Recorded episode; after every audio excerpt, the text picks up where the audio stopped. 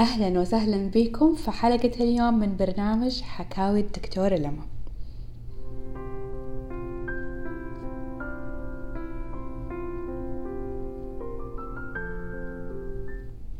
حلقة اليوم حلقة خفيفة ولطيفة وجدا جدا جدا ظريفة هنتكلم اليوم عن سؤال دائما بنسأل عنه دكتورة هل أقدر أحمل بولد؟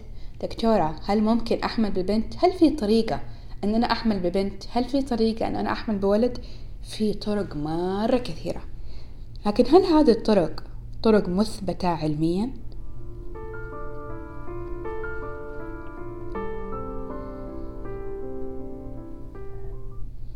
نبدأ حبة حبة بتاريخ هذا الموضوع دكتور لاندرم شاتلز هذا الدكتور عمل دراسات كثيرة وقال إنه في أربعة أو خمسة طرق نقدر نحدد فيها جنس الجنين وعلى كلامه إنه هذه الطرق مثبتة علميا.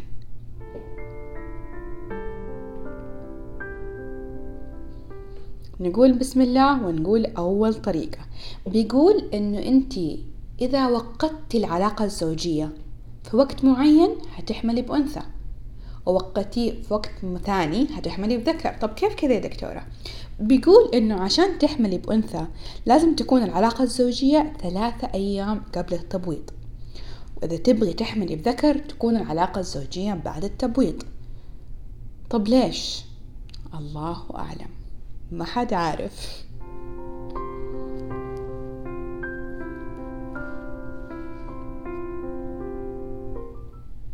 الطريقة الثانية اللي قال عليها إنه تستخدمي غسول مهبلي داخلي معين قبل العلاقة الزوجية.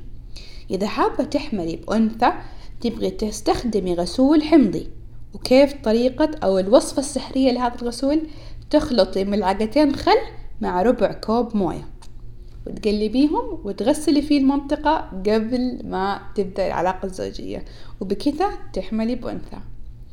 وعشان تحملي بذكر تبغي الغسول يكون غسول قلوي.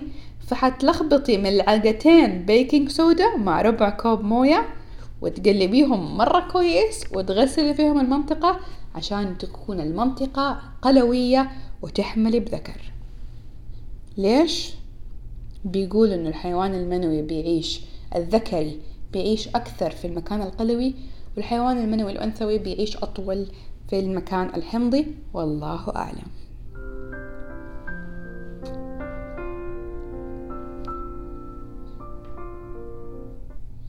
الحاجة الثالثة اللي اتكلم عنها هي وضعية العلاقة الزوجية. بيقول إنه كل ما كان العضو التناسل الذكري قريب من عنق الرحم عشان عنق الرحم قلوي نسبة الحمل بذكر عالية. فلازم الوضعية تضمن دخول العضو التناسل الذكري كامل ويكون أقرب لعنق الرحم عشان تحملي بولد ويكون عضو الذكري بعيد عن عنق الرحم عشان تحملي بأنثى هل هذا الكلام صحيح؟ الله أعلم.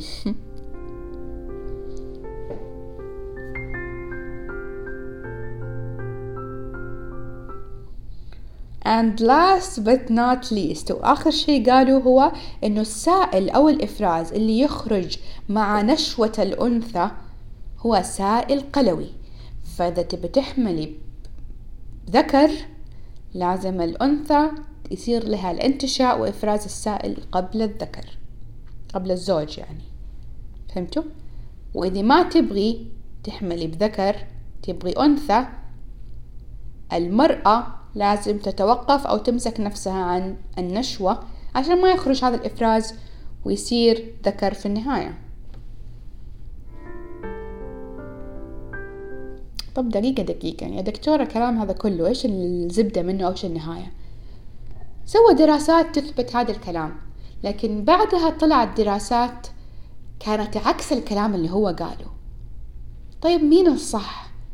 ما حد يقدر يعرف لأنه نسبة إنك أنت تحملي بذكر خمسين في المية ونسبة إنك أنت تحملي بأنثى خمسين في المية. فممكن تتبعي هذه الأشياء وفي النهاية تحملي بذكر صح أو ممكن تتبعي هذه الطرق وتحملي بأنثى. لكن هل حملك بأنثى أو ذكر عشان اتبعتي هذه الطرق؟